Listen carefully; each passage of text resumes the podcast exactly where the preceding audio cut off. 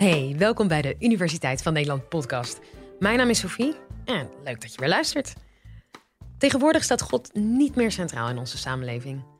Maar zijn we dan helemaal van God los?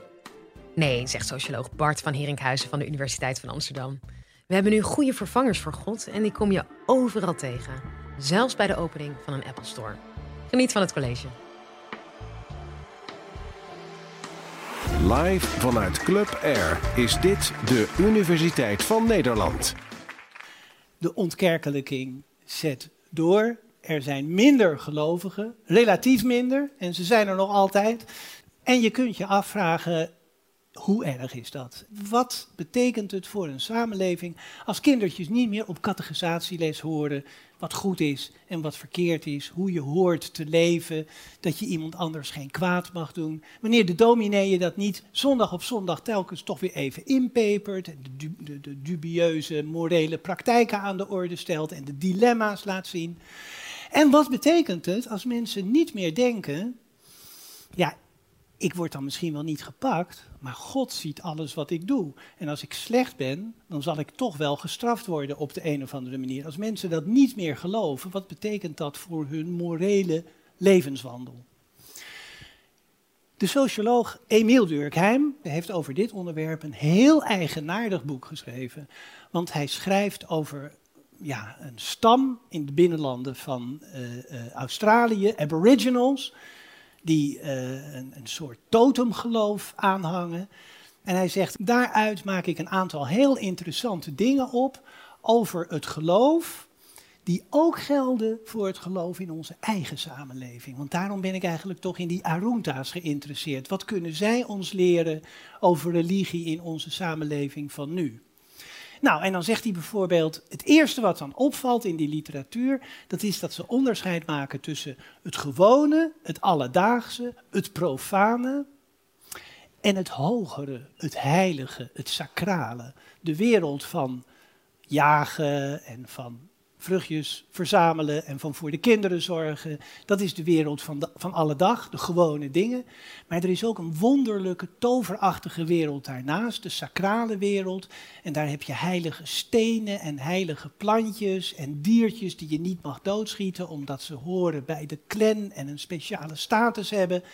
En ergens in het dorp staat een soort boomstammetje. En daar tegenover leggen ze een soort eerbied aan de dag, een soort vreemd respect wat ze helemaal niet aan de dag leggen ten aanzien van de gewone gebruiksvoorwerpen waarmee ze door het leven gaan. En wat Durkheim interessant vindt, dat is hoe ze dan spreken over zo'n heilig voorwerp. Dan zeggen ze van, nou ja goed, het is, het is natuurlijk een stuk hout, maar het gaat om de kracht die erin zit, die ervan uitgaat, die, er, die eronder, die erachter zit. Je voelt dat het iets anders representeert, een toverachtige, andere wereld. En daar hebben ze ook wel, dan wel een soort beschrijving van. Dan zeggen ze dat is die kracht, ja daar, ja, daar zijn we een beetje bang voor. Als je dingen doet die niet deugen, dan kan die kracht zich tegen je keren. En dat moet je niet hebben, dat is niet best. En als je heel goed leeft en heel lief bent voor andere mensen, je kinderen goed opvoedt en je vrouw niet slaat, of als vrouw je man niet slaat, dan is die kracht, die is gunstig gezind. Dan voel je een soort steun. En ja, het is een kracht die je soms bang maakt. Je voelt je er soms door ingesloten. Je denkt van ik zit, ik zit door die kracht, die zit overal om me heen. Ik vind het eng. Maar soms is het ook verrukkelijk. Dan gebeurt er iets naars. Er gaat iemand dood van wie je heel veel hebt gehouden. Er, er, er gebeurt iets, iets verschrikkelijks in je leven. En dan weet je, ja, maar die kracht is er altijd. Daar kan ik altijd op terugvallen. Het is een kracht, het is iets zo machtigs. Het was er al ver voor ik geboren werd. En het zal er zijn ver nadat ik gestorven ben. Ik mag even delen in die kracht en dan daarna is het alweer voorbij. Dat zijn omschrijvingen, zegt Durkheim, die, die je bij die Aboriginals aantreft. Maar zo kan een katholiek ook praten over de Heilige Geest. En zo kan een protestant ook praten over de macht van God. Dat is hoe religieuze mensen die kracht ervaren. En dan zeggen ze: je gaat naar een heilige plek die aboriginals die gaan dan naar een plaatsje in het dorp waar ze, zich, waar ze zich heel erg verenigd met die kracht voelen. Of ze gaan in een moderne samenleving naar de synagoge of naar de kerk. En zo komen ze gesterkt naar buiten. Dan denken ze, ik, ik sta er niet alleen voor. En nu gebeurt er iets interessants. Durkheim, de zoon van de rabbijn, die zegt, ze verbeelden het zich niet. Je moet niet denken, dit is atheïst, hè? Durkheim gelooft zelf helemaal niks. Maar hij zegt, die kracht is waar. Dat, wat die mensen daar verklaren, is echt zo. Ze voelen zich echt gesterkt. En dan zegt Durkheim, maar de voorstelling die de mensen zich van die kracht maken, het idee wat ze ervan hebben, dat klopt niet. Want wat ze niet beseffen, dat is dat hetgeen ze aanbidden eigenlijk hun eigen gemeenschap is. Wat ze aanbidden, wat ze heilig verklaren, dat is iets waar ze zich nauwelijks een voorstelling kunnen maken. Het collectief als geheel, de groep als samengesteld interdependentienetwerk. Maar die woorden hebben ze allemaal niet, daarom noemen ze het de kracht. Maar kijk nou eens naar wat ze erover zeggen. Ze zeggen het is een kracht die straft als je stoute dingen doet. Ja, dat doet de samenleving. Die straft je als je dingen doet die niet mogen. Het is een kracht die positief werkt als je goede dingen doet. Dat is de samenleving. Het is een kracht die je vaak het gevoel geeft, ik ben ingesloten. Soms geeft de samenleving, de groepje, het gevoel, ik kan geen kant op, iedereen let op me. Het is een kracht waarop je kan terugvallen als je in nood bent, wanneer je iets naars is overkomen. Dat is de samenleving ook. Ik sta er niet alleen voor, er is een netwerk, er zijn mensen om me heen. Het is een kracht die er al was voor ik geboren werd en die er zal zijn nadat ik gestorven ben. Dat is de samenleving. Wat die Arunta's ons duidelijker tonen dan wanneer we studie maken van het katholieke geloof of het protestantse geloof, dat is dat wij in de religie eigenlijk de samenleving, de collectiviteit, de sociale groep waarvan we deel uitmaken, voelen, ons daar een voorstelling van maken en ook de emotionele kracht aan ontlenen. En dat gebeurt dan soms in hele feestelijke bijeenkomsten waar mensen samenkomen en waar ze samen zingen en waar ze samen dansen en ritmisch samen bewegen. Dat geeft ook een gevoel van eenheid en dan raken ze helemaal opgewonden en dan komen ze in een soort collectieve trance. Dan denken ze van ja wij, ik ben niet alleen, ik ben eigenlijk de groep, ik ben eigenlijk al deze mensen samen en raken ze helemaal in een soort verhevigde toestand. En dat noemt hij de effervescence collectieve. Dan raken ze in een soort bruisende, schuimende, extatische toestand. En dan, op zo'n moment, beseffen ze pas helemaal tot in hun merg van hun botten. Ik ben een deel van het sociale. Ik ben een deel van de samenleving. Zo belangrijk is dus religie. Maar hoe moet dat in onze hedendaagse samenleving, waarin steeds meer mensen zeggen: Ik geloof niet in God? Wat blijft er dan nog van over? Durkheim zegt: Het deel van religie dat ervoor zorgt dat mensen beseffen dat ze deel uitmaken van een, van een groter netwerk, dat cognitieve, dat intellectuele, dat besefdeel, dat rationele deel, dat is eigenlijk overgenomen door de moderne sociale wetenschappen. Het is nu de sociologie en de antropologie die mensen helpt om zich te oriënteren in de sociale ruimte. Daar hebben ze eigenlijk de religie niet meer voor nodig. Dat doen wij nu aan de universiteit, wij sociologen. Wij doen onderzoek naar, we schrijven boeken over en we geven les over hoe het is om deel te zijn, om deel uit te maken van de samenleving. Dus die kant van de religie die is eigenlijk overgenomen door de moderne wetenschap. Maar ook alleen die kant. Want in religie zit dus ook dat, dat, dat affectieve element, dat emotionele element van we staan er samen voor, er is een netwerk waarop ik terug kan vallen. Ja, dat kan de wetenschap niet bieden. De wetenschap is er voor inzicht, voor onderzoek, voor begrip. De wetenschap is er niet om je een warm gevoel te geven. En wat kan daar dan voor in de plaats komen? Nou, en in dat boek schrijft hij dat we misschien wel een nieuwe vorm van religiositeit zien in het nationalisme. Die Fransen die dan samen vieren dat ze deel uitmaken van de Franse samenleving aan één dag in het jaar 14 juillet, bleu, blanc, rouge. Alle huizen staan er feestelijk bij. Grote kermis op de markt. De burgemeester houdt een toespraak en die zegt: Wij zijn allemaal Fransen en we geloven in liberté, égalité, fraternité. En de mensen gaan samen volksliedjes zingen en ze zingen de Marseillaise en ze dansen op het plein.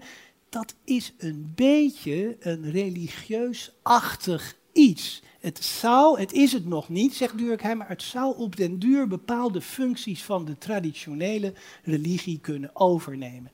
En dat zien we in Nederland ook, ook vandaag de dag. Grote oranje bijeenkomsten, een voetbalwedstrijd, je weet het niet, Koninginnedag voetbalwedstrijd, Olympische Spelen. Mensen hullen zich in oranje om de koning toe te juichen, die of hij nou in Friesland is of dat hij een bezoek brengt met Maxima aan Limburg. De mensen staan in drommen langs de weg met hun mobieltjes om fotootjes te maken en te zwaaien. Mensen genieten dan van het feit, bijvoorbeeld wij zijn Limburgers en wat fijn, de koning komt helemaal naar ons toe.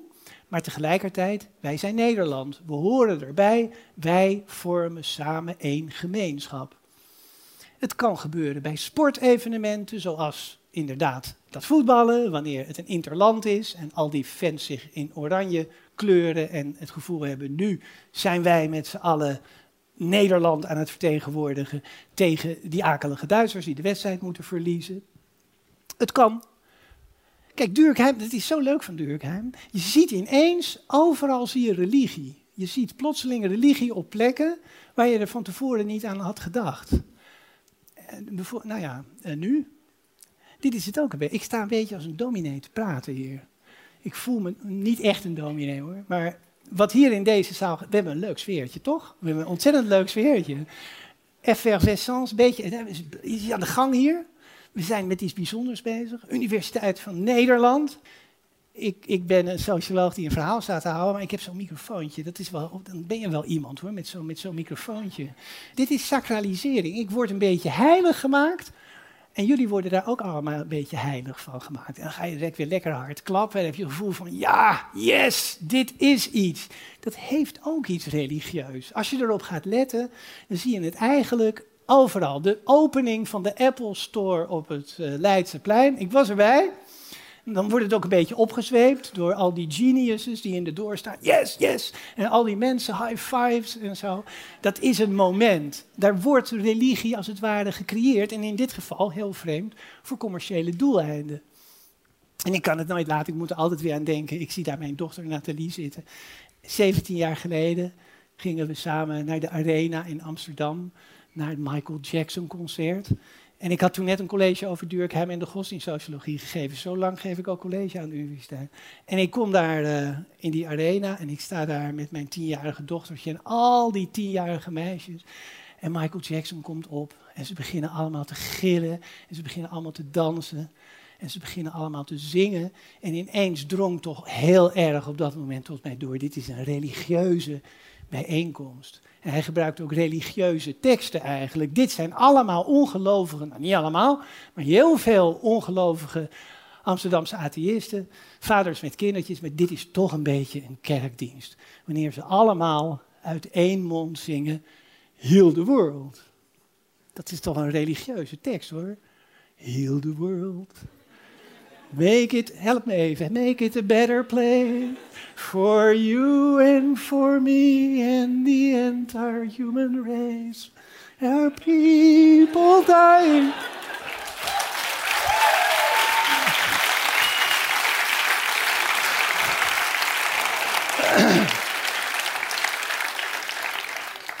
Nathalie zong altijd Iponaien. There are Iponaien. Maar ja, ze was tien, dus ze wist niet wat het betekende. Dat zijn modern style, dit is eh, ja, religie uh, eh, 2.1 eh, zou je kunnen zeggen. Nou, Durkheim gelooft dat we misschien langzaam maar zeker de kant op gaan van nieuwe vormen waarin mensen op op een nieuwe manier weer het maatschappelijk collectieve gevoel weten te cultiveren, weten op te brengen. En hier zie je dat Durkheim eigenlijk een klein beetje de grens overgaat. Dat hij de wetenschap, sociologie, toch ook een beetje in moralistische zin gebruikt. Dat hij er bepaalde affectieve bedoelingen mee hebt. En je zou kunnen zeggen, daar is sociologie eigenlijk niet over, niet voor. En dat vind ik in principe ook wel, maar soms is het toch wel een beetje zo. Als ik Durkheim lees, dan kan het me zomaar gebeuren dat ik ineens denk, nu ben ik een beetje minder bang voor de dood. Ik hoop dat je het een leuk college vond. Als dat nou het geval is, laat dan een review achter in je podcast-app. Vinden we leuk. Volgende keer hebben we het over economie. En wel over de vrije markt. Mijn naam is Sofie Frankenmolen. Heel graag. Tot dan.